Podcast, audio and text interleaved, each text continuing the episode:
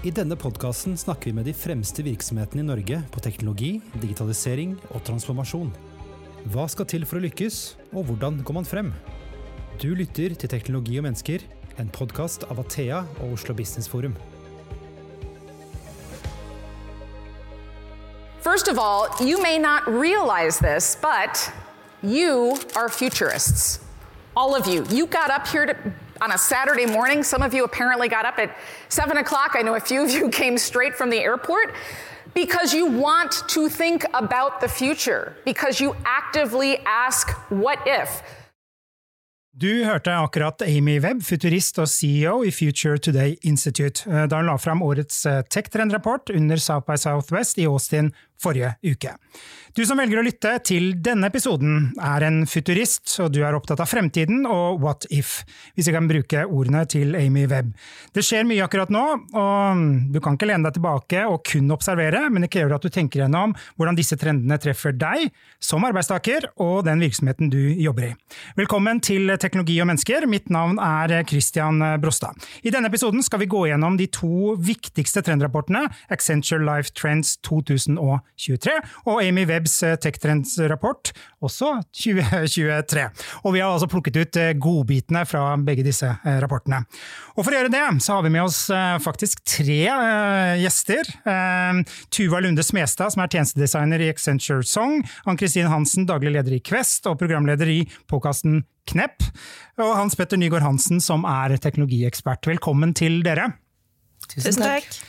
Uh, Amy Webb. Uh, det er jo nesten sånn at folk ligger i sovepose for å få med seg den når hun presenterer den under South by Southwest, Ann-Kristin. Uh, hva er så spesielt med rapporten hennes i år?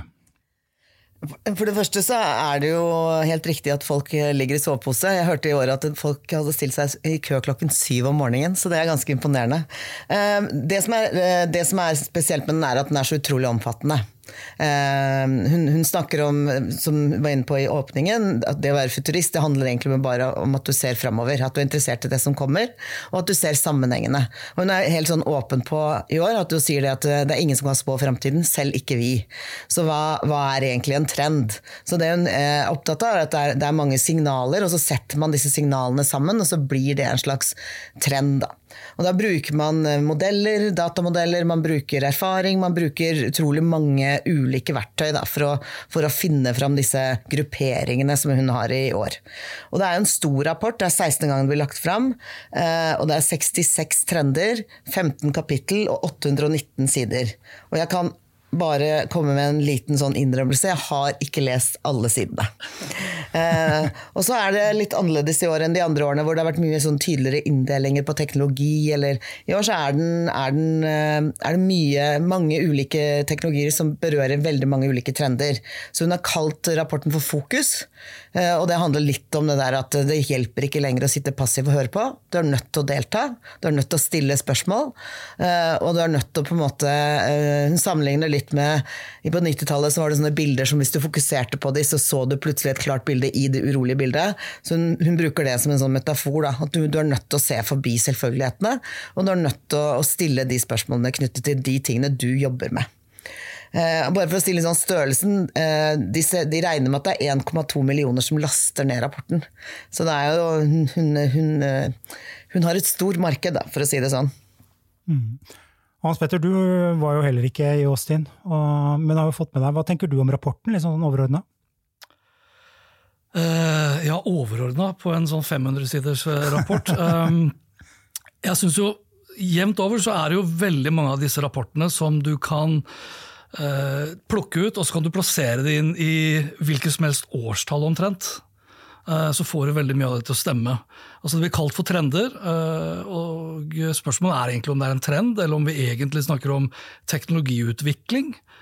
Og hvorvidt en del av disse teknologiene vil utvikle seg til å bli en trend. Nå, har, nå, er det liksom, Uten at vi skal angripe alt sammen umiddelbart nå, men det ville overraske meg om ikke vi kommer innom kunstig intelligens f.eks. For, for nå snakker alle om kunstig intelligens. I fjor så snakket alle om blokkjedeteknologi og NFT-er og Web 3.0 og kryptovaluta, og før det så var det 5G og så var det metaverser. Liksom, så gang på gang, år etter år, så er det fryktelig mye som skal skje på fryktelig kort tid. Og som historien har lært oss, gang på gang det også, så har vi en tendens til å overvurdere effektene på kort tid og undervurdere det på lang tid. Helt enig med Ann-Kristin om at eh, Eller med Amy Webb, da. at det er, jeg tror vi har kommet til et sånn turning point i historien hvor vi må delta mer aktivt, arbeidsgivere som arbeidstakere. Politikere, ikke minst. Og Derfor er jeg jo kanskje mest av alt bekymret for at vi har eh, noen styrefolk nå i dag som er mest opptatt av å reversere, og som har kvitta seg med en egen digitaliseringsminister, nå som samfunnet aldri har blitt mer, opp, eh, mer avhengig av teknologi, og vi har aldri vært mer sårbare for liksom, de teknologiske komplikasjonene, eh, hvis vi da ignorerer liksom, alt som skjer rundt oss. Mm. Og det, det, ser du også på for dere som nå etter hvert laster ned rapporten. så vil du se at hun har en sånn, eh, For første gang så har hun en sånn oversikt hvor hun ser på alle disse ulike teknologiene og hvordan de påvirker de ulike næringene.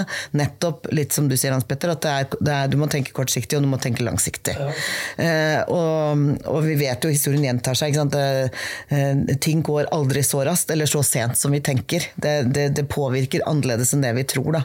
Og det er kanskje det jeg tenker er litt annerledes i år enn de andre rapportene. for det har vært veldig veldig tydelige trender. Veldig sånn, som du var inne på, ikke sant? Web 3.0 var det eneste man snakket om. Men nå snakker man om alt på én gang, og hvordan de påvirker hverandre. Mm. Mm. Eh, Tuva, eh, i rapporten som dere lager, eh, så er det jeg har litt sånn følelse av at det er litt mykere. Jeg elsker de der titlene dere har, vi kommer jo tilbake til det.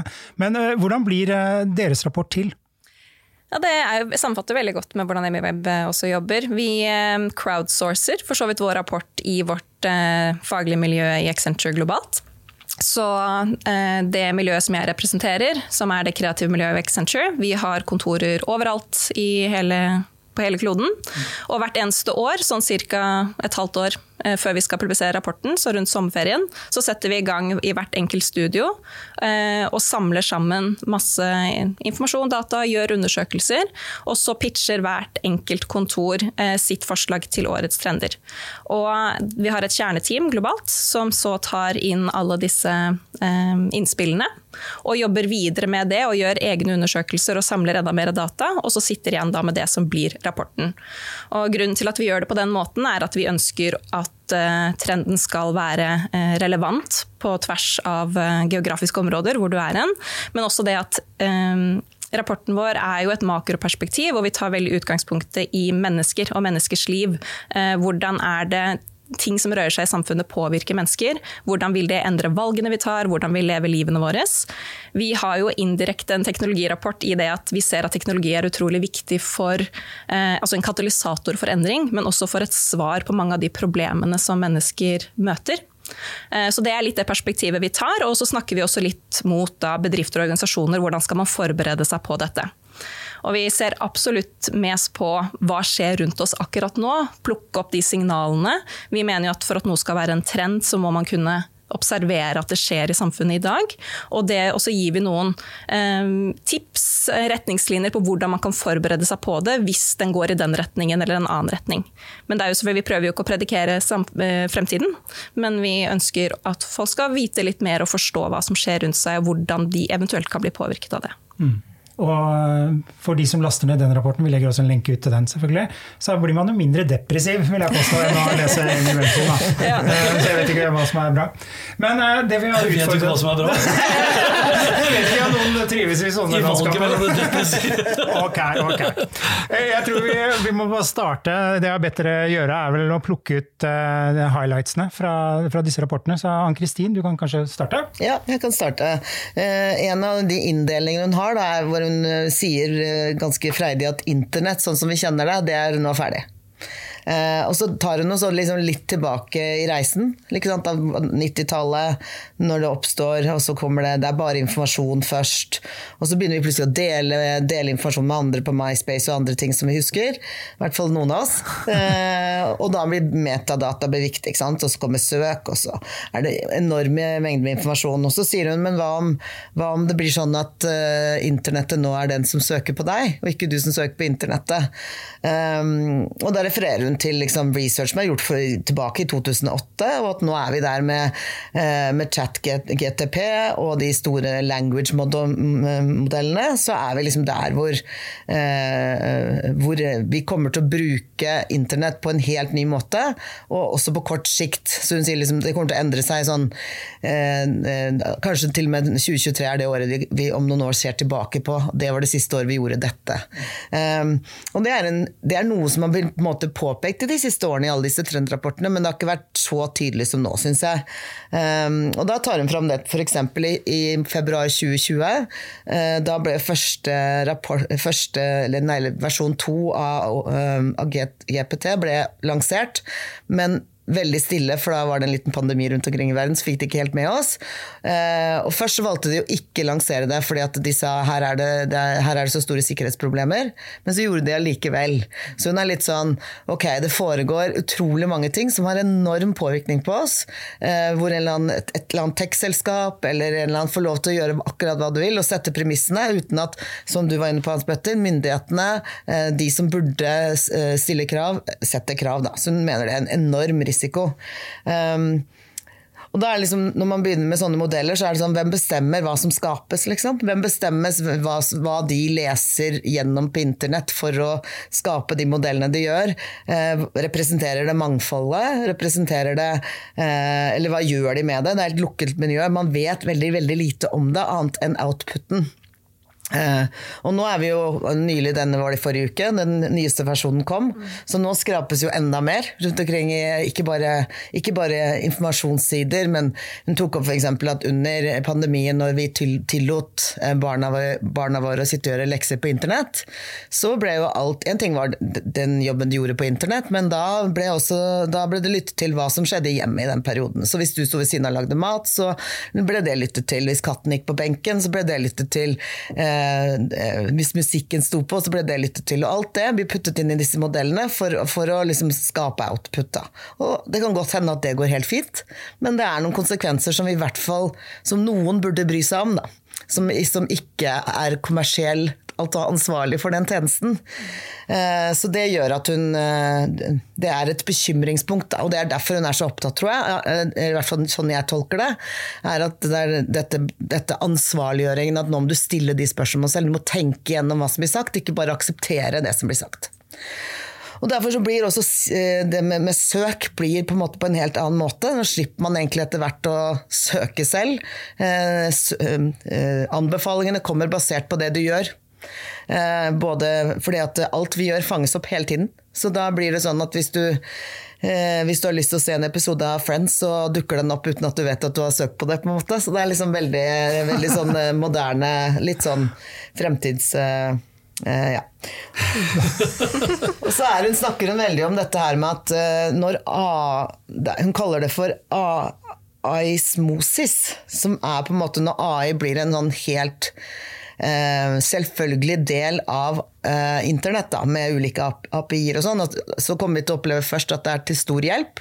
Fordi vi trenger, vi slipper å, å, på en måte søke på alle disse små detaljene. Men hvis ikke det gjøres i riktig rekkefølge, eh, med, med, noen gode betraktninger og en plan, så vil det være ikke til god hjelp. Så det, og hun mener at vi er der nå. Hvor, er, hvor, hvor, da? At, det, at, eh, AI blir en del av eh, hverdagen vår da, i, som hjelpemidler. Og, så hun mener at det er ikke langt fram i tid lenger. Det er sånn Ett til tre år så er det noe vi, som kommer til å være en del av alt vi driver med uansett, mener hun. Mm. Ja, så, så det, er, det, er, liksom Det er egentlig det derre Syns jeg, da, gjennom hele rapporten og alle trendene hun snakker om, så er det tilbake til sånn Hva betyr det for deg? Hva betyr det for din virksomhet? Og hva betyr det for deg som mamma, som venn? Eh, hvordan, hvordan, ønsker du å leve livet ditt? For det, jeg også sitter med et bilde at ja, vi snakker om teknologi, men det handler egentlig til syvende og sist om eh, er hvordan vi ønsker at denne verden skal utvikle seg, og hvordan vi ønsker å leve livene våre. Um, ja. Så det er, Og så har jo hun alltid en sånn optimistisk scenario og et pessimistisk scenario. Og det optimistiske scenarioet i forhold til denne trenden er jo at da, da, da våkner myndighetene på en måte og, og, gjør de riktige tingene for at det blir implementert riktig, og alt går bra, og det hjelper oss. Det gjør at vi, kan, vi slipper å ha 16 strømmetjenester, vi kan ha én. Eh, vi slipper på en måte ehm, eh, Når vi er ute etter noe, så dukker det opp uten at vi egentlig må anstrenge oss. Ting går veldig bra, men det katastrofale er det motsatte. Hvor, eh, hvor det, som, eh, det, som, skrapes på nettet, er bare hvite menn i 50-årene. Så du får liksom ikke ja, det... Eh, ikke det, er, det, er, ikke tatt hensyn til mangfold. Det er, det er, et, hun tok fram et eksempel hvor eh, hvis man satte i gang en AI for å lage en vaksine, og oppgaven var at eh, Eh, man vet jo at eh, I forhold til virus så vet man at det er mennesker som gjør at det sprer seg. og Da var oppgaven å liksom lage et virus. og da ville Samtidig AI-en ville da eh, legge inn at fertiliteten gikk ned, for det gjør at det blir mindre mennesker, og dermed så sprer virusen mindre.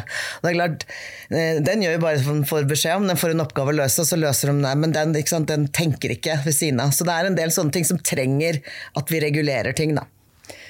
Ja. Så så det er stille her. Er det sånn skremselsbilde? Hvor skal jeg begynne, egentlig? Altså, jo, men altså, vi, eh, vi, kan jo prate om kunstig intelligens fra så himla mange sider av, av saken. Altså, foruten da hvite menn som har pusha 50. det er så kjedelig, å være liksom den, her, den, det negative aspektet av det. Men, men, mangfold er jo viktig. Eh, og så har du jo mangfold ut ifra et globalt perspektiv. Eh, når vi snakker om kunstig intelligens, så er jo verden i ferd med å bli delt inn i i hvert fall tre deler. Eh, så hvorvidt ting blir åpent og transparent, er jo en annen sak.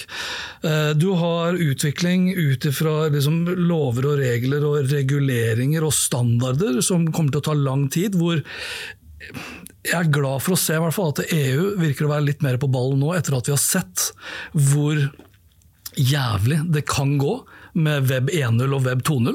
Hvis man glemmer at liksom, uh, mennesket er liksom, det, det, bor et sånn destruktivt monster i oss alle sammen. Uh, og Det så man jo umiddelbart når Microsoft uh, slapp liksom Bing med GPT4 uten noe særlig restriksjoner. Så, så starter vi umiddelbart for å se hvordan kan vi misbruke det her. Det er, det er, litt sånn spesielt, akkurat det. Så At vi må ha på plass reguleringer og være litt eh, i forkant, det tror jeg er ekstremt viktig. Og Når vi snakker om bærekraft som sådan, så er det jo nesten ingen per dags dato føler jeg i hvert fall, som snakker om liksom det enorme energibehovet som kreves for å få disse AI-maskinene til å gå rundt.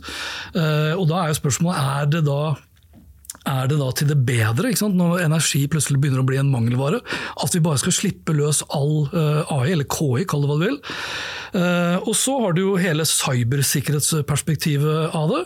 Og så har du det faktum at vi, om vi da søker frivillig eller ikke, uh, så vet vi per dags dato ikke om den informasjonen vi får tilbake er sannferdig eller ikke. Det eneste vi vet er at den er svært overbevisende til å fremstille informasjon.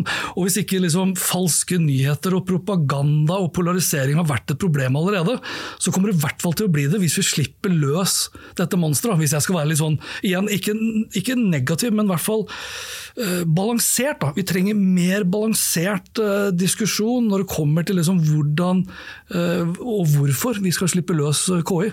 Altså, det, er, det er ikke alt som lar seg gjøre som burde bli gjort, egentlig. Selv om det er dritmasse fascinerende eh, teknologi vi kan bruke det til per dags dato. Om det så er for å lage fete bilder i Midjourney, eller eh, lage syntetiske stemmer i Eleven Labs, eller få ChatGPT til å hjelpe deg med lekser, eller hva pokker det måtte være. Jeg tror eh, Hvor hurtig hurtig denne teknologien nå utvikler seg, er vanskelig å ta inn over seg. Ja.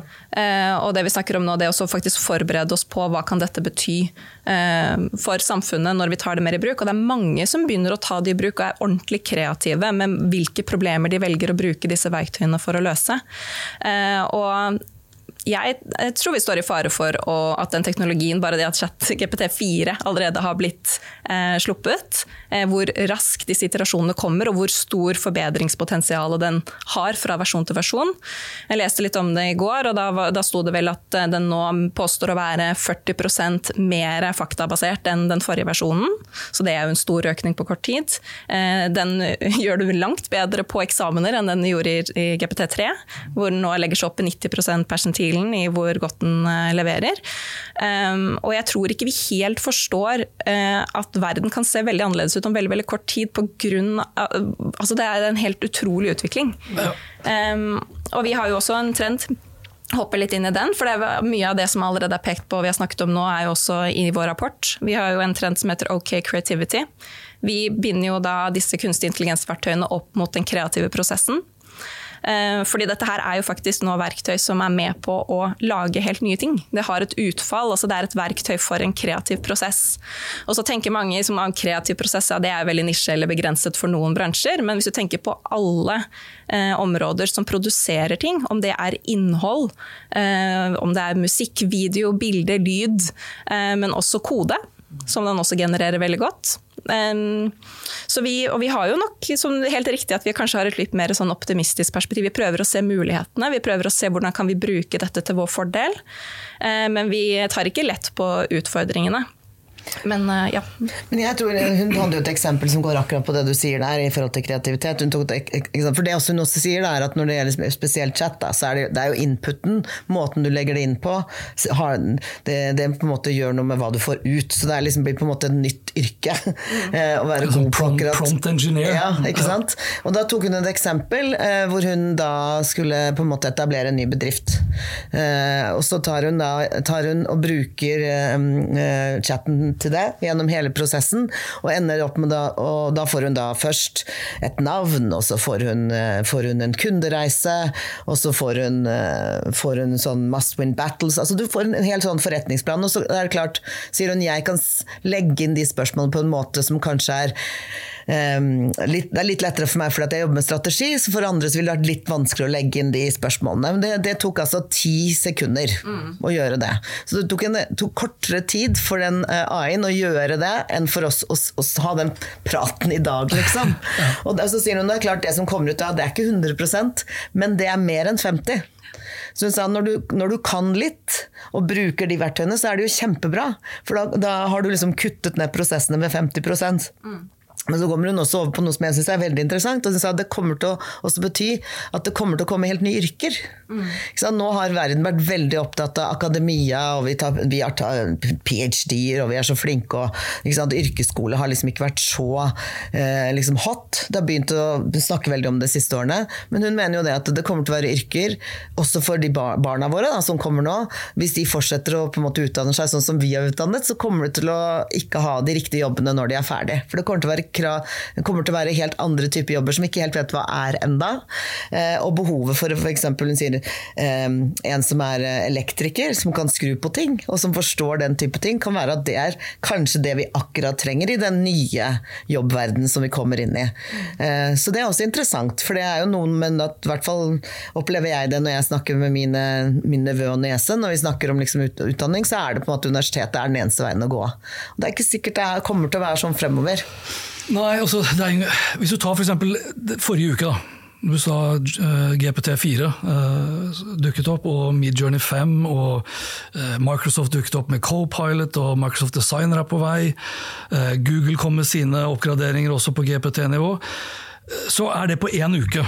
Uh, og nå har jeg holdt på med liksom teknologi i ganske mange år, og vi har liksom flydd rundt land og strand og pratet om disrupsjon og eksponentiell utvikling osv., uten at folk flest liksom egentlig forstår hva, hva mener du med det. Vi har jo en tendens til å utvikle oss ganske så lineært. Sånn 10% år over år så skal vi bli litt bedre osv. Ser du da på overgangen fra GPT 3.5, den åpne, eller la oss, la oss, ta den lukkede, den som vi har brukt, ChatGPT 3.5, så hadde vel den ca. 20 milliarder datapunkter, altså parametere, å forholde seg til, basert på 45 terabyte med data scrapa fra internett. Tar du da overgangen til den åpne GPT4, så sier i hvert fall uverifiserte kilder snakker om ca. 175 trillioner dataparametere. Det blir sånn monopolpenger. Du klarer ikke å forholde deg til det er. Jeg tok regnet, det er, eller jeg tok ikke regnet, sorry. Jeg stilte ChatGPT spørsmålet hvor mange ganger er det kraft, kraftigere. Og det er 8750 ganger kraftigere på én uke. Det er relativt eksponentielt. Og den avstanden da mellom eksponen, den eksponentielle eh, teknologiutviklingen da, og oss på lineært nivå, det er det vi kaller for disrupsjon. Og hvis du da, som, altså hvis du da ikke gjør som Amy Webb, da, hvis du sitter stille i båten og bare venter og ser hva som skjer, da blir du disrupta. Og det har vi jo sett gjennom en årrekke allerede. Altså, vi snakker jo om teknologi som enabler bedrifter til å bli mer produktive og effektive. Hvis du ser tilbake på 1950 og fram til nå, på de, liksom, de aller største virksomhetenes eh, gjennomsnittlige levetid, så har jo den gått fra type 60 år til under 20 år. Så kan man si at okay, Teknologi tar faktisk livet av veldig mange virksomheter, men det skaper jo enda flere. Fra dystopisk til utopisk igjen. For Det er jo lett å bli litt sånn er glasset halvfullt eller halvtomt? For Det hører vi også gang etter gang, om det var sosiale medier, eller om det var internett eller smarttelefoner. Så er det liksom hurra meg hei og varsko for at nå skal vi bli arbeidsledige, og eh, behovet for oss mennesker plutselig skal oppheves. Eller sånn som det er gjort i USA, hvor de forbyr det. I skolen i USA så er det nå forbudt. I, i, Bakstreversk, ja. Og det er jo 100% 100% Det er jo i hvert fall ikke veien å gå. Nei. Hvis det er sånn at det er skummelt og du er redd for industrien, så finn ut hvordan du kan gjøre noe med det. da, Ikke forby det. Det er jo det dummeste vi gjør. Det, det ser vi historisk. Hvis det er en bok som er forbudt å lese, da leser vi den boka. Ja, sånn er det bare. Ikke trå på gresset, som det Ja. heter. Men det krever jo også mye av eh, For én ting er vi, vi kritiserer jo også disse, for de driver jo ikke med kildekritikk, ikke sant, som sier sånn hva du, Det du henter fra ChatGPT, du vet jo ikke hvor den har hentet det fra, hva den baserer det på. Så den eh, egenskapen å, å gjøre god kildekritikk vil jo fortsatt være mer og mer eh, viktig. Men også for de som bruker det nå, eh, og ikke kanskje tenker på hva den fòrer inn i den. Vi ser, så det er jo dette med retningslinjer, å vite hva er konsekvensen av hva du putter inn. Det står jo liksom fint på den åpne sant? at det ikke legger inn noe personsensitivt og sånn, men i teorien så kan man jo det. Eller man kan f.eks. dele noe man ikke har lov til å dele. Altså det er, jeg tror det er litt den Igjen så kommer vi tilbake til vi trenger eh, vi, vi rekker liksom ikke å lage retningslinjene da, før vi har en ny versjon av det. Og folk eksperimenterer og leker seg og har det gøy med dette også. Det er veldig viktig å ta med inn. Vi ramla jo veldig inn i søk. Altså, Ja, at det, det skulle liksom ja, men sånn, eh, ChatGPT skulle først og fremst disrupte Google sin forretningsmodell. Eh, Så søk ble veldig sånn enerådende fokus til å begynne med. Til å begynne med, altså Vi snakker bare et par måneder. Men det vi, det vi ser konturene mye i større grad nå, er jo liksom hvordan den de store læringsmodellene i større grad kan hjelpe deg i Microsoft Office-sammenheng eller type andre samhandlingsplattformer. Og Da blir det ikke like relevant egentlig å bare fokusere på å skrive et søk, da, eller be den om å skrive en stil eller et eller annet. For det, det er liksom det første vi ramla inn i. Men etter hvert så kommer vi til å se at det her kommer til å bli en personlig assistent som kan hjelpe deg. Du, noen som nevnte 50% mer produktiv og effektiv osv. Uh, og da igjen er jo glasset uh, halvfullt istedenfor halvtomt. Da kan plutselig et kreativt byrå eh, produsere 50% mer med de samme ressursene. En eh, normal virksomhet i dag som sliter med både kompetanse og kapasitet og det ene etter det andre, får kanskje muligheten da, til å realisere drømmen om å endelig lage litt mer fornuftig innhold til nettsiden sin, eller kanskje svare på kundehenvendelser, eller hva det måtte være. For de aller fleste tror jeg er relativt enige om at de opplever at kundeopplevelsene sine er ganske mediocre, i beste fall. De er forholdsvis dårlige. Så mulighetene i positiv forstand er jo hinsides, hvis vi bare slutter å tegne liksom bare opp et altså skremselsbilde. Da, hvis vi skal Også når man snakker om hva det virkelig kan løse. Ikke sant? For én ting er at jeg kan Jeg holdt foredrag her nylig, og, og, og der var en oppgaven var en sånn fiktiv festival. En festival som ikke eksisterer. Og så for mor- moro skyld så la jeg det inn, og den fikk jeg en full beskrivelse på. Og det er gøy, for det er noe som ikke finnes noen sted. Eh, og det er klart, det er en gøy måte Den, den, jeg, den kan jeg bruke når jeg holder det foredraget, men da påvirker jeg jo feil. fordi at eh, poenget er at når du bruker det rett, og du bruker det til å løse de samfunnsflukkene som vi står i midt nå, så er det noe helt annet enn enn å forbedre liksom, litt sånn tekst på nettsiden min. Liksom. Så det er noe med å balansere det også. Jeg tror mulighetsrommet, altså Utfordringen her er jo også virkelig bruke tid nå på å utforske mulighetsrommet. Mm. For jeg tror vi tenker veldig begrenset om hva vi kan bruke det til i dag. Litt som du sier at Vi starter litt med søke, at det skal erstatte Google, og vi spør den om ting. Og det er jo mange nå som deler eh, mye tips med hverandre, som sier sånn at du bruker ChatGPT feil. Du må ikke spørre den om hva du vil ha, du må spørre den om den kan gi deg noe du ikke visste at du tenkte på. Ja, eh, liksom at man faktisk kan eh, Jeg tror, tror veldig på den der at mennesket igjen er en utrolig viktig faktor her. for det er vi som sitter med den originale tanken, vi sitter med ideene. Mm. Vi vet hva vi er ute etter, vi kan forme, vi kan iterere. Mm. Eh, og vi gjenkjenner godt håndverk. Mm. Og, det, det, og, der tror jeg menneskene vil spille en veldig stor rolle eh, mm. videre også, i å virkelig ta og løfte disse verktøyene til helt nye mulighetsrom. Og vi bruker eh, den sammenligningen i rapporten med at når fotografiet første gangen kom, så var det ganske mye eh, frykt og eh, diskusjoner rundt det. Hva har det å si for liksom, tegnekunst, malekunst? Mm. Eh, hvorfor skal jeg bruke tid på å lære meg å male et, et ordentlig landskapsbilde hvis jeg kan uansett ta bilde av det, og det er perfekt? Mm. Og vi vet jo at ikke, malerkunsten er jo ikke død. Nei. I stedet så startet jo det mange nye bevegelser, ikke sant? surrealisme, ikke sant? abstrakt ja, kunst. Så jeg tror det er noe av det samme vi kan se skje her, er at den eh, erstatter ikke noe, men den er, blir noe nytt. Og så vil nye ting komme ut ifra det. Men det er jo, ja. Mer både og istedenfor mm. enten-eller. Mm. Men det er, det er fri, altså, jeg tror det bor litt sånn i vårt uh, huleboer uh, DNA at vi frykter, mm. eller latterliggjør, det, mm. det, vi ikke helt forstår. Mm. Og nå er det jo, for hver dag som går nå, så er det jo faktisk da mer og mer man ikke forstår. Eh, og Dere var litt, sånn kort inne på akkurat det med, med Universitetet i Oslo og liksom utdanning som sådan. Det her kommer jo til å ikke minst uh, bli en utfordring for bedrifter å vurdere formell versus uformell kompetanse. Uh, og hvordan, liksom, hvordan høyskoler, universiteter og utdanningssektoren i det hele tatt skal møte det her. Når vi da liksom ser denne, For nå ser vi virkelig en eksponentiell teknologiutvikling. Og om ikke alt uh, slår til, så vil i hvert fall veldig mye slå til. Mm. Vi skal i hvert fall ikke forbi det. Det tror jeg vi skal helt uh, Men uh, Amy Webb snakker mye om Hun kaller det for upskilling. Mm. Så, og, det er ikke bare de ikke Det er ikke bare vi gamlisene, men det gjelder også barna våre. For de må lære oss ting som de ikke har lært ennå.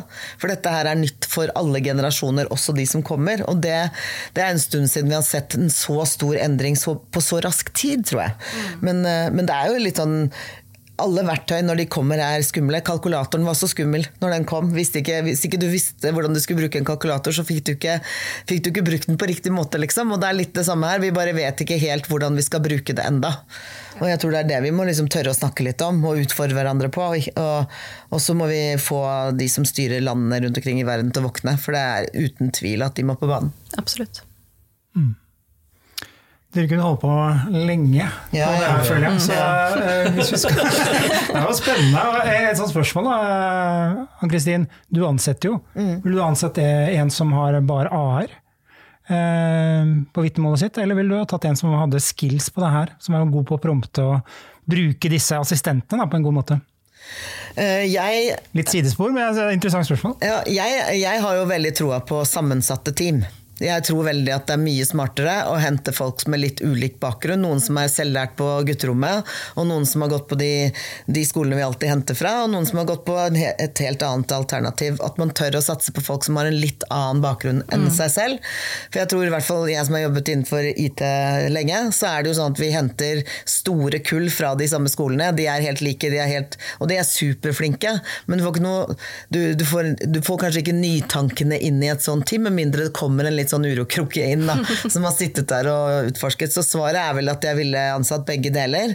Eh, men, men jeg tror det er viktig å tenke på folk som stiller spørsmål når du ansetter. Noen som er nysgjerrige, og noen som ikke bare fordi at jeg er sjefen og sier noe, sier ja, men så stiller spørsmål om hvorfor det skal være sånn. Så jeg tror det der med at man har et, litt, eh, et sinn som vandrer, og man stiller masse spørsmål. Det tror jeg er en, det tror jeg er en viktig kompetanse fremover. Da. Litt sånn fra hvordan til hvorfor. Mm. Det tror jeg er ganske viktig. Mm. Det, jeg, tror, det, det, vil jeg i hvert fall eh, Og så tror jeg vi bør alle sammen tenke over, da, som, som ansetter og som har er i ledende posisjoner, da, at, ikke, at det ikke blir sånn skille det ikke blir et sånn sosialt skille på de som på en måte får lov å henge med, og de som ikke får lov å henge med. Eh, for det er litt sånn som penger er i dag. Enten er du rik eller så er du fattig. så er det sånn, Hvis, du, hvis, ingen, hvis ingen, lærer deg disse skillsene som nå etter hvert kommer, da, som ung, så henger du liksom utenfor før du har fått begynt livet. Da. Så det tenker jeg at det er, liksom, det er litt vårt ansvar. da og sørge for at vi får de som kommer etter oss til å stille de spørsmålene. Ja, ikke sant. Er, altså, vi ender jo egentlig opp med å snakke mer og mer om kultur. Mm. Altså, da, da, jeg jobbet i Cisco og IT-bransjen som sådan, så var jo informasjonsteknologien, eller teknologi som sådan, var jo dyrt. Så det var jo på mange måter et slags konkurransefortrinn i seg selv. Og Derfor så vi også at teknologiadopteringen kom jo først da på enterprise-nivå de store virksomhetene. Athea var liksom Cisco gullpartner, og vi bare pøste ut med produkter. Og så trodde man aleine at det liksom ville løse veldig mye. Nå som teknologi har blitt vanvittig mye billigere og vanvittig mye raskere og tar vanvittig mye mindre plass, så er det liksom allment tilgjengelig. Og da er det de som klarer å omfavne det og, og liksom optimalisere eh, kapasiteten og muligheten, da, som, som, jeg tror kommer til å vinne. Altså, de store versus de små, de treige versus de raske osv. Da sitter du til syvende og sist igjen da, med en toppledelse som ikke må tenke toppledelse. Ikke, ikke, må tenke hierarkisk. For da er det sånn Det heter jo dritten renner nedover i organisasjonen, og da har du ikke lyst til å være på bunnen. I hvert fall ikke hvis gullet er på bunnen. ikke sant? Og det er gullet som, som, ofte er på bunnen rent hierarkisk, med kunnskapen de har, nysgjerrigheten de har, eh, tilpasningsdyktigheten deres, skaperkraften osv. Og, så og hvis du har feil kultur i virksomheten, så tar du jo livet av alt det. Og så sitter du igjen da med en toppledelse som da forsvarer denne 10 eh, lineære utviklingen år år etter år. For sånn har vi alltid gjort det, sånn skal vi alltid gjøre det. Og det er det jeg møter stort sett hver eneste gang jeg er ute og holder foredrag eller workshops eller snakker med virksomheter. Så er det akkurat det samme, og så sier alle sammen til meg vær litt, sånn, vær litt snille med oss, for at vi er litt, eh, vi er litt forsiktige og konservative. Men alle, alle, jeg prater med, er det. Mm. Og det kan være greit hvis du lever i et lite land som Norge, men når teknologiutviklingen og internetteknologien som sådan har globalisert oss. Og vi sitter da tross alt da, og er blant de dy det dyreste landet i verden. Og vi er relativt påkobla litt sånn konforme for at vi har det så sinnssykt godt, så ser man jo konsekvensen av det. Jeg vet Dere har diskutert i tidligere episoder også, at vi faller på konkurransekraftindekser, vi faller på innovasjonsindekser, vi har ikke tilstrekkelig med eh, risikokapital tilgjengelig, vi tenker ikke stort nok osv. Nå har vi i hvert fall fått enda flere virkemidler og verktøy gjennom KI, altså kunstig intelligens, men vi har jo ingen som kan det. Mm. Har, altså, Telenor sitter vel kanskje med 20-30 kunstig intelligens-eksperter. Microsoft alene har vel 5000-7000. Hvordan i all verden skal vi konkurrere? Og så tror jeg, tror jeg, man trenger så mye mer kompetanse enn bare de som kan det tekniske rundt det. Ja, ja. For det er så mange andre aspekter rundt det. Så, det. så, så, det er en fantastisk mulighet, men vi må bare ta den. Vi må, vi må, liksom, vi må være nysgjerrige, og, og, vi må ville, og vi må kanskje til og med eh, lære litt, litt, litt nye ting. Ja. Og så er det jo, ikke sant, Hvis vi snakker om sånn eh, digital tvilling, og sånn, det var det jo også en del snakk om. Det er jo helt fantastisk at uh, operasjoner kan få foregå på en mye tryggere måte ved at man har, noen, eh, har en liten hjelp på skulderen, da, for å si det sånn. Eh, så det er jo noen, er noen mulighetsrom, det er noen sånn medisinske vidunder som ligger rett rundt hjørnet som et resultat av dette. Så det er, sant, det er lett å snakke om det i sånn skremselspropaganda, for det påvirker meg direkte, eller kan, eh, den infoen jeg får ut av en, en, chat, det kan være feil, men det er jo noen, er noen fremskritt som ligger sånn ett til to år fram i tid som vi ikke vet hva er ennå, som kommer til å være helt ko-ko. Mm. Jeg tror definitivt at vi burde være litt flinkere til å diskutere mulighetsrom. For vi havner veldig fort på fallgruvene. og det ser man jo overalt, egentlig, at det er lettere å bli hengt opp i hvorfor er dette vanskelig, hva er hindringene, hva kan stoppe oss, hva må vi tenke på. Eh, men det å eh, tillate seg å tenke litt fremover og liksom, være kreativ, rett og slett. Altså det å tørre å se nye muligheter, det å eksperimentere med ok, hvis dette er sant, hva annet er sant, hva kan vi få til? Eh, litt den bransjen vi representerer, altså med designarbeid, altså den designprosessen som handler om å tørre å gå en retning du ikke helt vet hvor du vil ende opp, men bruke de verktøyene og menneskene rundt deg og kompetansen, tverrfaglighet, mannfold. Eh, så sammen så klarer vi faktisk å komme opp med enda bedre ideer enn man klarer alene.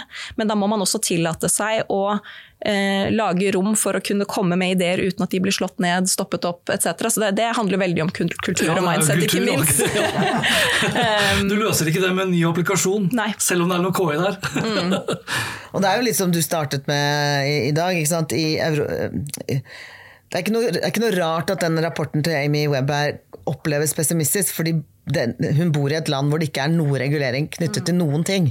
Det er, noe, det, er ikke noe, krav til eh, personvern. Altså er, alt er Eh, på de årene, Fra første gang jeg hørte at hun var skikkelig stressa over det, som sikkert var sånn 2016, så har det jo ikke skjedd noen ting. Politikerne i USA de angriper det på helt feil måte. De prøver å dele opp tech-selskapene istedenfor å se på hva som er problematikken. I Europa så har vi det litt bedre. Der er det en del lovgivning, og det kommer mer. Så der er vi i hvert fall på sporet av noe, og så går det altfor tregt. Men det gjør at det er kanskje lettere for oss å se den optimismen litt tydeligere. Da. For jeg har snakket med noen venner av meg som har vært på South by, og det var jo noen av de som gikk ut fra den presentasjonen her med litt sånn Nå må vi på bar, på en måte, for nå orker jeg ikke. Det blir, ikke sant? Det blir for mye. Ja. Jo, det, er rart, det, er jo ikke rart det blir mye. for det er klart, Hvis du spoler igjen noen år tilbake, siden vi har jobbet med teknologi lenge, så kunne man jo liksom isolere et produkt og bare se på produktet og si at det er et kult produkt.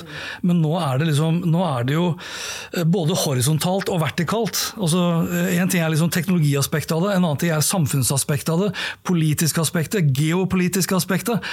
Og da blir det overveldende. Og i Amerika også, som tross alt altså, tross alt finner opp mye av den teknologien, så er jo avstanden også da mellom de teknologisk avanserte samfunnsstrukturene i USA til det helt analoge rustbeltet Kontrastene er så store at det er, det er, liksom, det er jo skummelt i seg selv at man da vier så mye tid da, på å innovere ny teknologi før man egentlig tar vare på basisen også.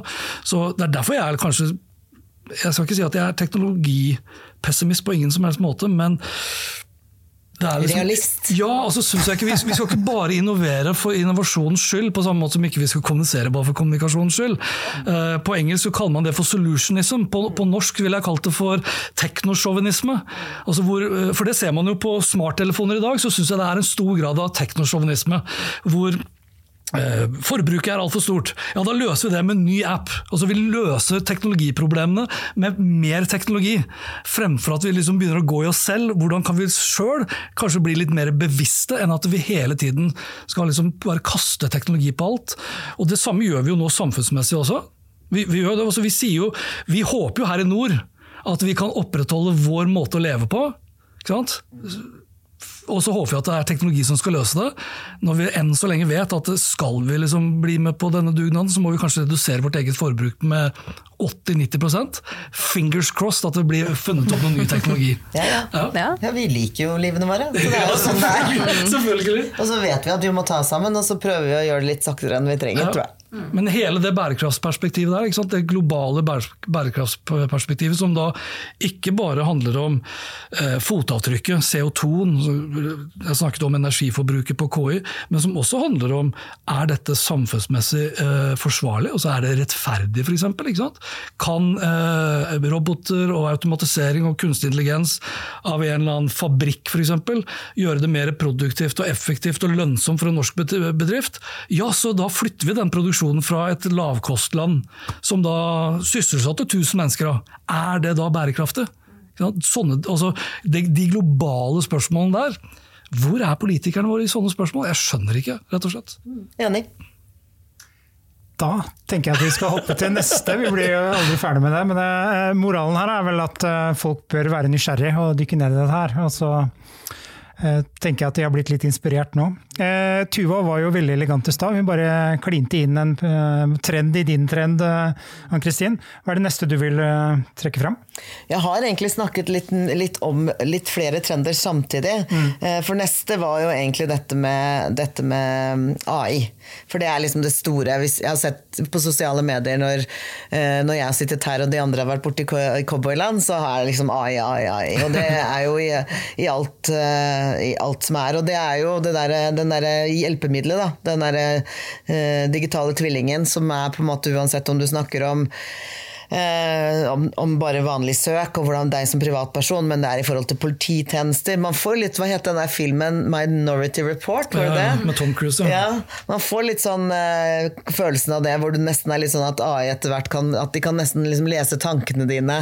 Eh, har, har bare at vi har GDPR og, ja, og, Europa. personvernet ja, godt er det, så godt vi er her, liksom. Så det, så det er liksom men der snakker de bl.a. om dette medisinske metaverset, som jeg var så vidt innom i stad. Eh, hvor hun går så langt faktisk at hun sier at eh, hun tror at 2023 kommer til å være et år hvor vi ser tilbake og ler og tenker tenk, i 2023 så kutta vi mennesker uten en AI.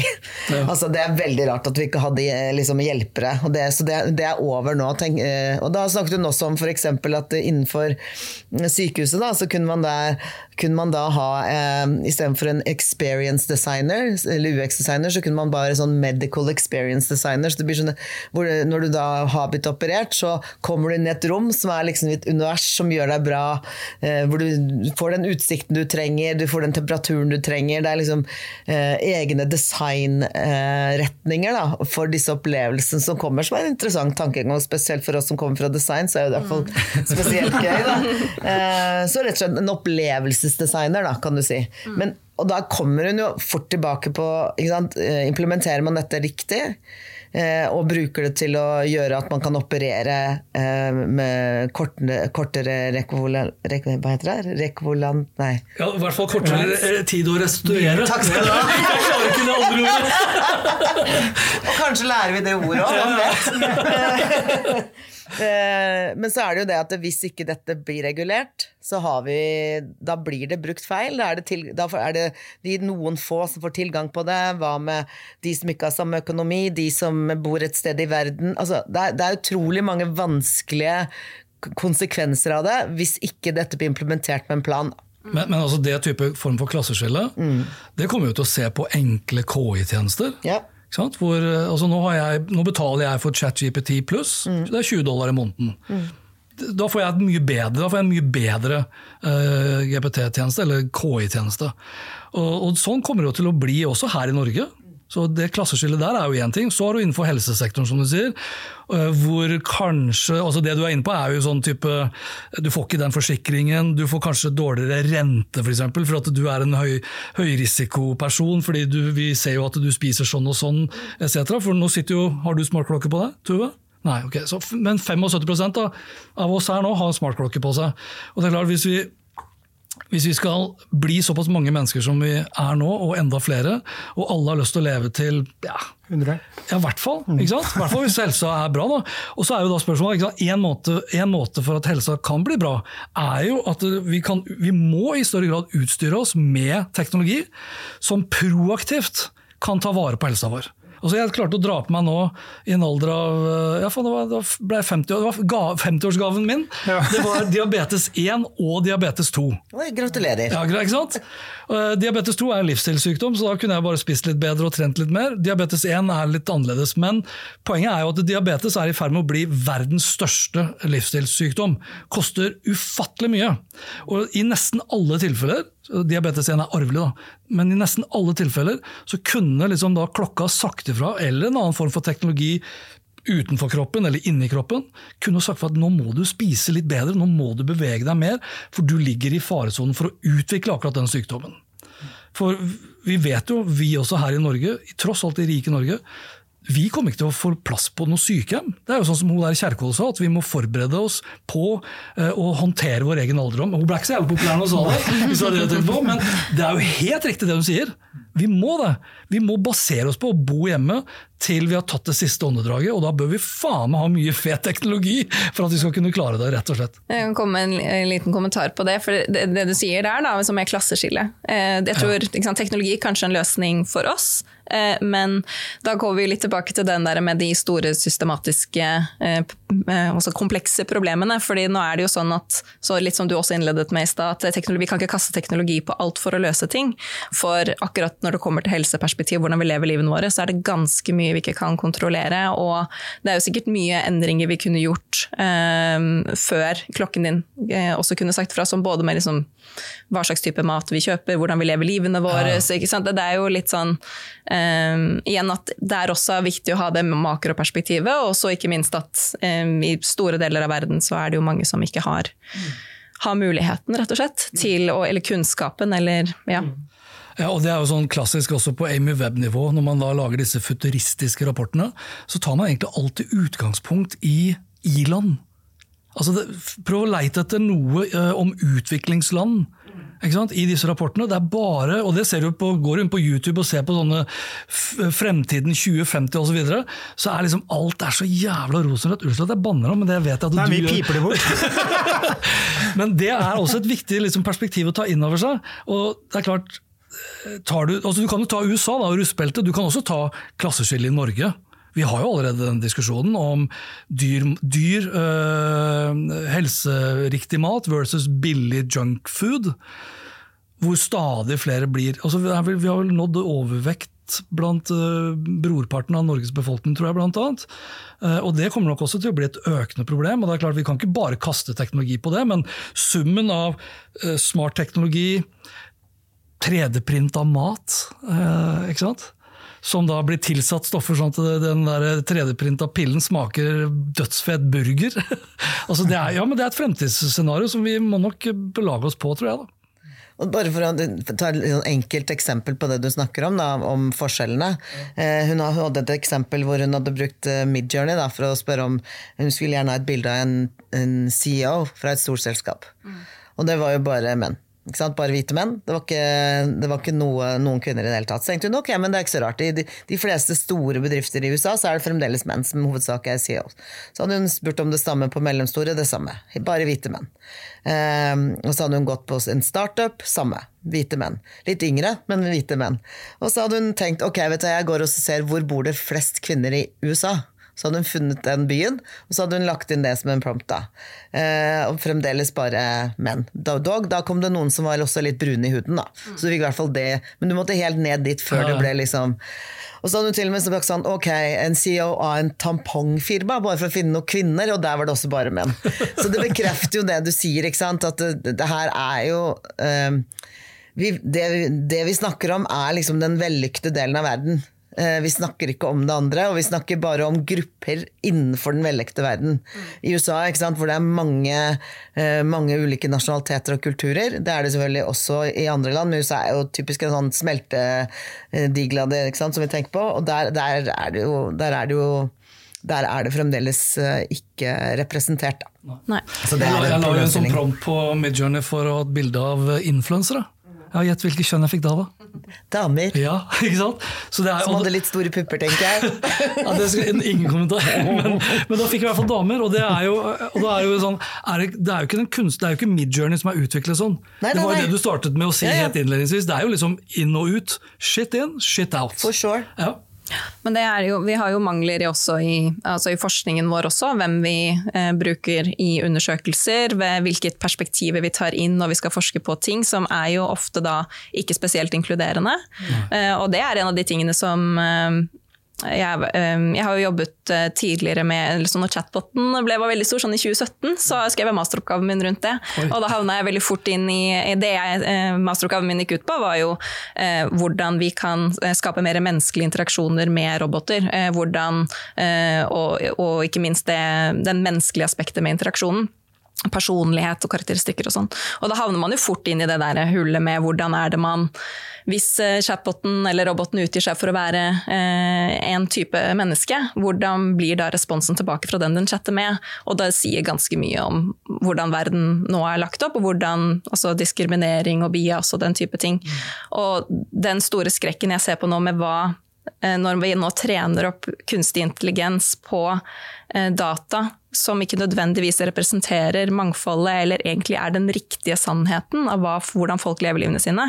Og så skal den igjen komme opp med de nye ideene for hvordan vi skal løse dette, eller hvordan her er, her er den skreddersydd i anførselstegn eh, mal for deg, for hvordan du kan løse dette, og så er det egentlig ikke representativt for den personen. Og jeg leste Jeg har ikke rukket å faktasjekke denne, men jeg syns den var veldig interessant, så jeg nevner den allikevel. Men eh, det var en kommentar i dag tidlig, eh, en NBC-kommentar kommentator han hadde lest en studie om at nå er det noen som lurer på om vi kommer til å gå tom for informasjon i løpet av 2026, altså tom for data. At disse modellene de krever så sto, ekstremt store mengder med informasjon å trene seg på, og den lærer fortere enn vi rekker å produsere nytt. Eh, og det er også en ting som vi kommenterer på i, i rapporten, det at hva hvis 50 eh, av alt innhold blir produsert av kunstig intelligens, og så trenes den igjen på dataene som har blitt produsert av kunstig intelligens. Og så går det i en loop og en loop, og hva om alt innhold plutselig er produsert av kunstig intelligens? Hva gjør, skjer med samfunnet? Stopper vi opp? Går vi i en loop? Eh, klarer vi å komme oss fremover? Ikke sant? Så det, er, det er sånn worst case-scenario. Absolutt. Sånn, I Amerika så har du jo robocalls, ikke sant? Altså hvor roboter ringer og prøver å selge deg noe. Så nå har de selvfølgelig laget kunstig intelligens som da skal svare på disse robocalls. Så da sitter du egentlig bare med to helt unødvendige roboter robotsamtaler. Og da ja. bør egentlig ikke de samtalene eksistere. Så da bør du bare koble det av, rett og slett. South Park har jo en episode nå om ChatGPT, bare for å ta en liten populær kulturreferanse her. Eh, men det var en veldig veldig morsom episode. fordi Der var det at lærerne begynte å bli eh, rett og slett overarbeida. Fordi plutselig så leverte studentene så fryktelig bra essay. Leverte jo 60 sider med skikkelig gode kommentatorer. Så jeg har jo ikke tid jeg, til å rette alt dette. Så sier den fra siden ja, men har du hørt om ChatGPT? du kan jo bruke den for å rette det. Ingen som får vite om det. Og så plutselig så sitter ChatGPT og skriver alle essayene og gir seg selv karakter på dette. Så det er liksom sånn, det tar det veldig liksom på spissen. Da. At det, er, det, er, noe med um, kvalitet her som jeg tror er veldig viktig. Men jeg tror ikke vi skal undervurdere mangfold. Faktisk. Det er, jeg tror det blir mer og mer og mer viktig. I hvert fall når vi har nå faktisk muligheten. Vi har teknologi som klarer å forstå så mange ulike parametere. Mm. Så da må vi liksom Nå er muligheten da, for å faktisk få et representativt ja, eh, men Da må du også ha reguleringer tidlig på plass. Da, sånn du, altså en ting er jo, Når du snakker om skjevheter og bias osv., så, videre, så er det jo greit å erkjenne det at eh, vi, vi ser gjerne oss selv som ganske like som amerikanerne. Men det er ganske store forskjeller kulturelt allikevel. Altså Knyttet til abortsaker og eh, dødsstraff og diverse. Og all den der biasen der er jo programmert inn i skallen på de som da utvikler den kunstige intelligensen. Og det er fra en av våre nærmeste sikkerhetsallierte, som vi da kjøper, implementerer gjennom Microsoft og diverse andre selskaper, rett inn i skoleverket. ikke sant? Og så skal vi da blindt stole på den maten som kommer da ut i andre enden. Det er fra Amerika. Så laster vi ned apper fra andre steder i verden som også er utstyrt med kunstig intelligens, uten at vi har peiling på hvor i verden det kommer fra, med hvilke innebygde biaser det måtte ha. Og hvis vi ikke da liksom utvikler kunstig intelligens som er 100 basert da, på full transparens og åpenhet. At vi vet at vi kan stille noen ansvarlig for faktisk det, det, produktet de leverer, og hva den dataen er basert på. Du sa jo innledningsvis det med at vi blir, vi blir søkt på, og ikke motsatt. Det vil jeg gjerne vite. Jeg vil gjerne vite hvilke data som blir brukt for å danne grunnlag for beslutninger som plutselig blir overlatt av KI til å ta, til at du tar, Christian, eller du, Ann-Kristin, eller Tuva, eller hvem det måtte være. Og det, De etiske og moralske spørsmålene der, hvis du kommer for seint ut av det rent sånn juridisk, politisk, hvordan i helvete skal du tette igjen det?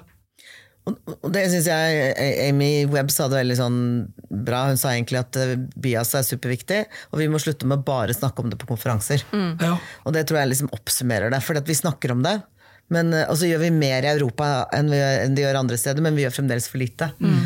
Og, og jeg, tror, jeg, tror, eh, de forskjellene kommer til å bli mer og mer synlige da, nå som, vi, nå som ting blir så tilgjengelig for oss. Ja. Det er kanskje derfor også verden er i ferd med å gå fra liksom totalt globalisert til å bli egentlig litt mer antiglobalt igjen. Fordi farene ved å åpne opp alt for alle, med forskjellige syn på menneskerettigheter og likeverd osv. Når KI-en skal utvikles da rundt omkring i verden, så blir kostnaden for stor. Men på den optimistiske tonen der, så vil jeg sånn si at det, det, er når verden og allting står litt på huet, det er da vi innoverer. Så jo, sånn, vi løfter det litt opp igjen. Ja, jeg, mener det er, det, jeg mener jo at det er optimistisk ja, at vi faktisk tar altså, det er greit, Jeg tror ikke at vi fire rundt bordet her nå skal forandre verden, Det tror jeg. men vi kan i hvert fall bidra. ikke sant? Alle monner drar. Da. Så jeg vil heller si at det hadde vært mer pessimistisk hvis ingen diskuterte og debatterte det. Helt enig. Har mange, dere har jo mange tusen lyttere Kristian, hver, hver eneste uke på, på denne podkasten. Altså, den pyramiden kan fort vokse. da. Så når folk hører på det her, så håper jeg forhåpentligvis at vi setter i gang en del tanker eh, som folk tar med seg videre. Og så om de da stiller uh, spørsmål videre, får Christian Brosdal til å si noe Fredrik Solvang uten, uten sammenligning for øvrig. Nei, men altså, det, det er jo så, altså, vi kan ikke bare diskutere Sofie Elises uh, bilder i sosiale medier på, på, Debatten på NRK. Vi må ta de store, viktige samtalene uh, uke etter uke. Fredrik, hvis du hører oss, vi kommer, vi, ja. i studio. Fortsetter debatten der. Uh, tida går, men jeg tenker vi har plass til én hver fra dere. Tuva, du har jo en lang liste, men uh, du får hver, være selektiv. Ja. ja, da skal jeg være selektiv. Um, for jeg hadde egentlig tenkt uh, nå å si litt om den første trenden vår, som går mer på liksom, puls, eh, fingeren på pulsen. Hva er det som skjer med menneskene med alt som skjer i verden? Så jeg tenker jeg kan innlede litt med den, men så eh, skal jeg egentlig da presentere en annen trend. Vi prøver å få litt mye inn her, men eh, vi jo, eh, starter jo ofte rapporten vår med et litt sånn makroperspektiv. Og da ser vi på hva er de store tingene som skjer i samfunnet nå, og hvordan påvirker det mennesker, og hvordan vi lever livet vårt. Um, og den trenden den har vi jo kalt I Will Survive. Um, og bare for å ta en liten kommentar på titlene, så er det jo sangtitler som er uh, den gjennomgående temaet i rapporten. I, I Will Survive, yeah. I'm a Believer, Sign Seal Delivered. Um, bortsett fra da AI-trenden vår, da OK Creativity. Ja, for den, den låta har ikke jeg hørt. og det tror jeg vi, vi, fant ut at den spiller uh, på en sånn Radiohead-låt, men ja. det er jo den derre OK, OK Google. Computer. Yes, yes. Og OK Google, da. OK Computer. Mm. Uh, så, det, så det hadde vi jo uh, tatt den. Uh, men I Will Survive den går jo på det at vi nå vi lever Permakrise var årets nyord i fjor i en eller annen ordbok i England, tror jeg det var. Oxford, Oxford Dictionary. Dictionary. Ja. og det er jo at vi nå er, er inne i en langvarig situasjon med mye ustabilitet og usikkerhet. Og eh, måten mennesker responderer på, på, det, er jo at vi eh, gjør store endringer i livene våre. Og det er fire, altså fire f-er som vi at, eh, bruker i rapporten. Det er fight, flight, focus og freeze. Som er måter vi da bytter mellom moduser for å håndtere det at verden nå er veldig ustabil, det er krise på krise, kriger inflasjon, strømpriser, matpriser osv. Eh, men jeg tenkte å si litt om eh, hvordan det faktisk påvirker livene våre, med, med litt mer konkrete ting. Uh, når det kommer til uh, altså fight, det også kjempe imot. er at vi ser at vi, vi, vi, tror at det kommer til å bli enda mer protester. Folk vil uh, i større grad snakke ut når det skjer urettferdige ting. I Norge, nå er det i Norge, eller? Nå er det i globalt perspektiv. Ja, globalt, ja. Jeg tror også vi ser det i, i, noen skala i Norge også, men mye større når man ser f.eks. på folkeopprøret i Iran. Så er det måte det mest altså ekstreme eksempelet på hvordan mennesker kan mobilisere seg nå. At vi begynner liksom å nå en sånn terskel hvor vi nå rett og slett Eller man ser i mange deler av verden, man orker rett og slett ikke mer. Og man, man går sammen og man uh, Så det er en av de tingene vi peker på. Uh, mens uh, en annen ting som vi ser det som skjer litt rundt omkring i Norge, spesielt dette med økte matpriser og, sånn, er jo at vi begynner å ta helt andre prioriteringer i livet vårt, som kan ha store konsekvenser. Og det blant annet at vi eh, eh, mange har jo opplevd at de kansellerer eh, livsforsikringene sine ja. og diverse. For å ha råd til å dra på ferie? Eh, nei, eller for å ha råd til å kjøpe mat. ja, ok, jeg bare leste IF hadde det faktisk ja. nå i dag. Uh, men, men, det, men det, det, tror jeg er veldig interessant å følge med på. det at, For vi ønsker å forstå hvorfor mye av det vi jobber med, er å forstå hvorfor mennesker tar de valgene de gjør. Hvorfor lever vi livene våre sånn som vi gjør? Hva er det som kan påvirke oss til å gjøre ting som vi ikke hadde tenkt før?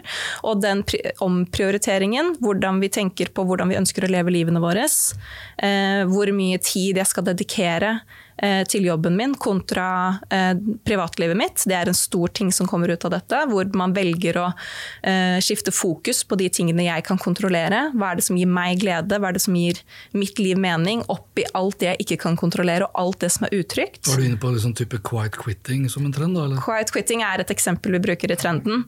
Den har vi hatt litt eh, diskusjoner, fordi den kan både være en et eksempel på flight, men også Nei, jeg beklager, fokus og freeze.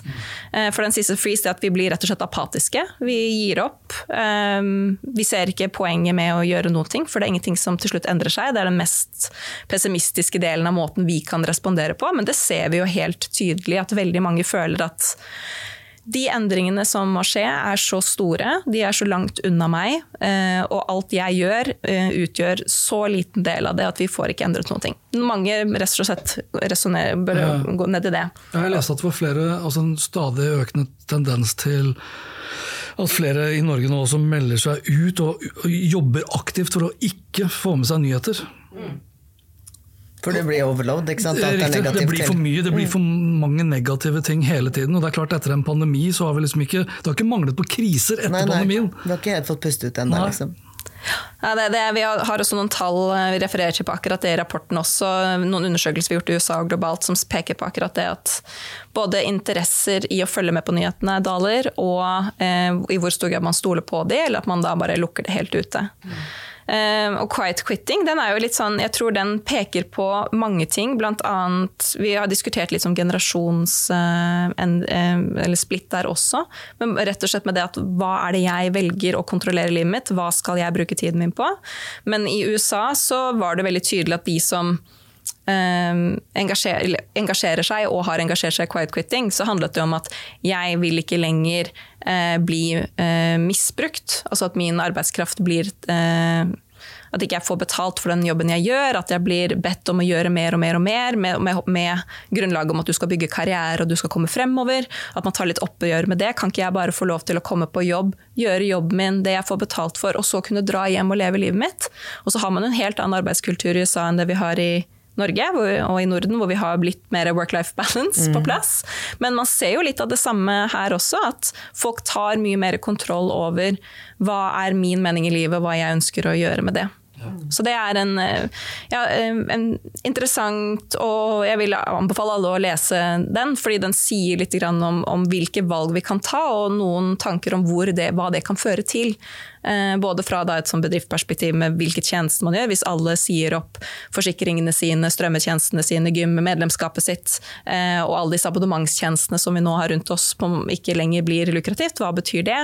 Men også det at folk rett og slett nå tar veldig mye mer kontroll over livene sine og hva de ønsker å bruke den tiden de har til. Mm.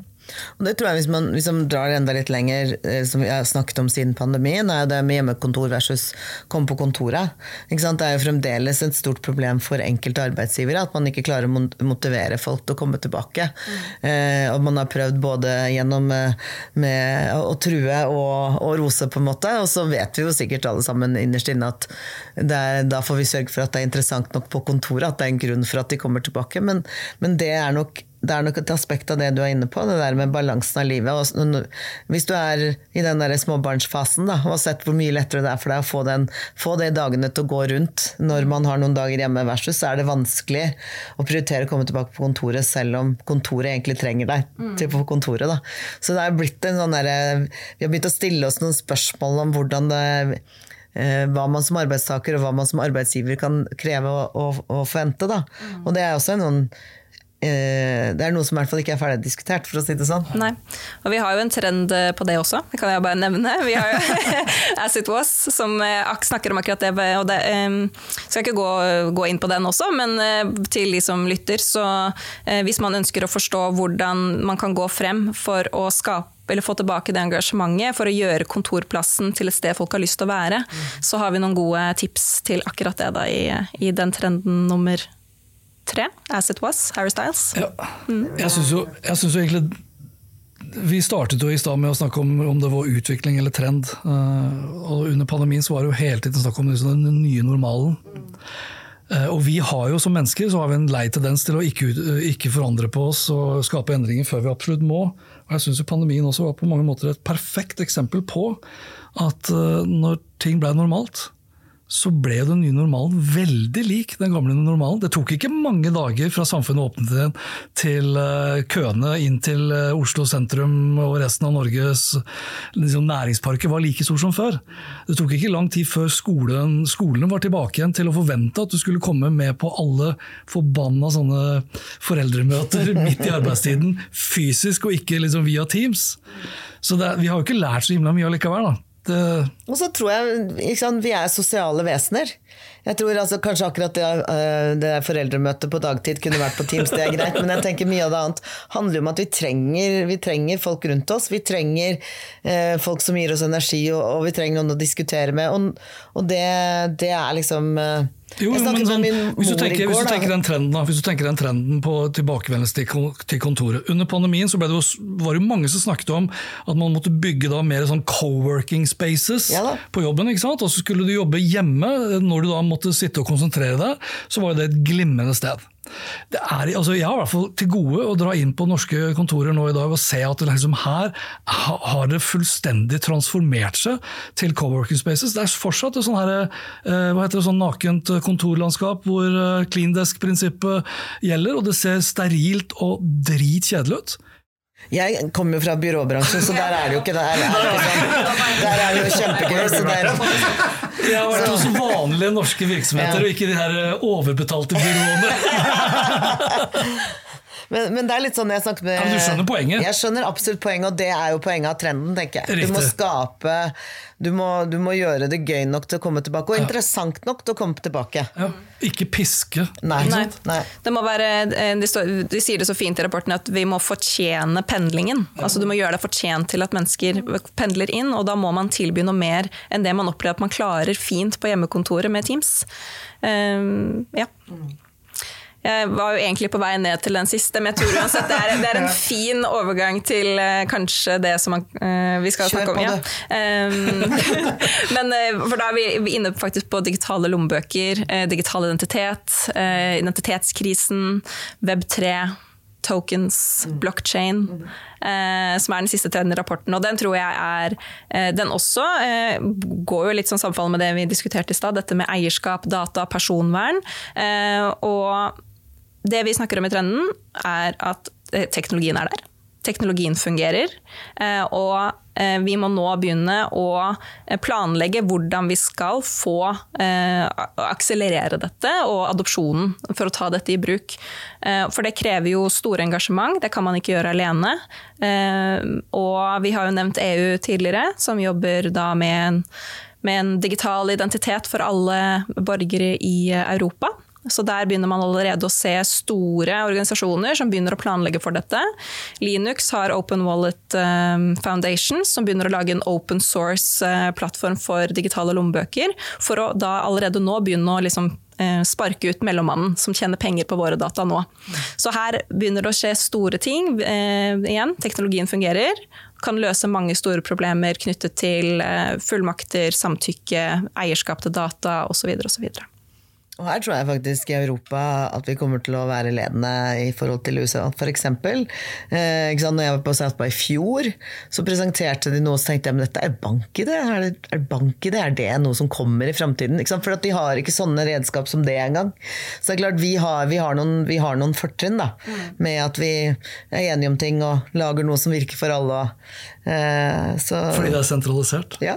Jo, jo sånn, det er motsatt egentlig av det desentraliserte. Da. Ja. Så jeg, jeg, er litt sånn, jeg, jeg, er skeptisk til hele Web 3.0-tankegangen. Mm.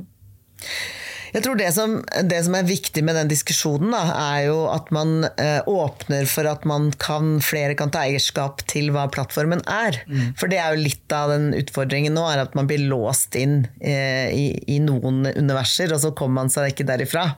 Eh, og så får vi jo se hvordan det går, for ja. å si det rett ut. Det er jo teknologien er der, men igjen, vi kommer tilbake på hvordan blir den implementert, og hvem tar styringen, og hva er regelverket. Alle de tingene har mye å si. Jeg syns Mastadon, synes jeg, eller Mastadon, avhengig av hvordan man velger å uttale det, jeg synes Det er et godt eksempel på en god tanke rundt det å desentralisere f.eks. bare et sosialt nettverk, da, i, i, i takt med at Elon Musk gikk litt crazy med, ja. med Twitter. Ja.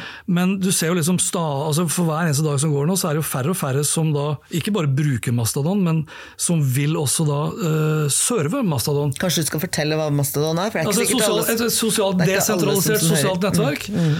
Uh, og grunnen til at det gikk rett opp i været, det var jo at folk da søkte etter alternativ til Twitter, fordi man var litt usikker på hvordan det ville gå med Twitter. For Noen hadde glemt å ta pillene sine. ja, ikke sant? det er akkurat det skal ikke jeg kommentere på, men jeg syns det var et veldig godt eksempel. Ja. Eh, men Mastodon mener jeg også feilet på mange måter ved Eller ikke feilet, men jeg syns Mastodon ble et godt eksempel på en feilslått web 3 3.0-strategi og en tanke om det desentraliserte nettet, fordi du får plutselig så hinsides mange som da får plutselig et sånn juridisk ansvar. Eh, som får et ansvar om å opprettholde tilgjengelighet og, og, og det, hastighet og ytelse på disse tjenestene. Som ikke skalerer i det hele tatt, i hvert fall ikke i et globalt perspektiv, eh, men heller ikke i et europeisk perspektiv. Så jeg, jeg, igjen så er jeg litt usikker på det, og jeg liker heller ikke hvis vi snakker om et sånn bærekraftig samfunn, om det er Norge eller Europa etc. Og du skal bygge på mange måter et slags sånn eh, parallelt univers oppi uh, skyen, eller Web 3.0-sfæren, med kryptovalutaer og det ene etter det andre. Hvor du kan bypasse det sentrale. Så, altså, nå har vi sett hvor mange som blir hissige på Røkke og co. som flykter til Sveits. Hvordan skal du liksom fikse en Web 3.0-økonomi altså som da er desentralisert, i en velfungerende, sentralisert økonomi som det Norge tross alt er? Det er et uh, godt poeng. Ja. Mm. Og da passer det faktisk eh, å uh, avslutte, tenker jeg. Dette er jo faktisk den siste episoden i sesongen. Eh, men man trenger jo ikke fortvile. Det kommer noen bonusepisoder de neste ukene. Og i tillegg så er det jo et hav av episoder eh, liggende i podkastspilleren. Du var litt overambisiøs i dag med vi er alltid ambisiøse. To feite rapporter, tre taleføre personer. Det er sant. Men uh, jeg tenker at dette gir litt inspirasjon, og uh, vi lenker jo til rapportene. Så jeg vil anbefale at man dykker ned i den og gjør opp sin egen mening, da. Uansett, tusen takk til dere som var med, og tusen takk til deg som har hørt på. Og vi høres igjen.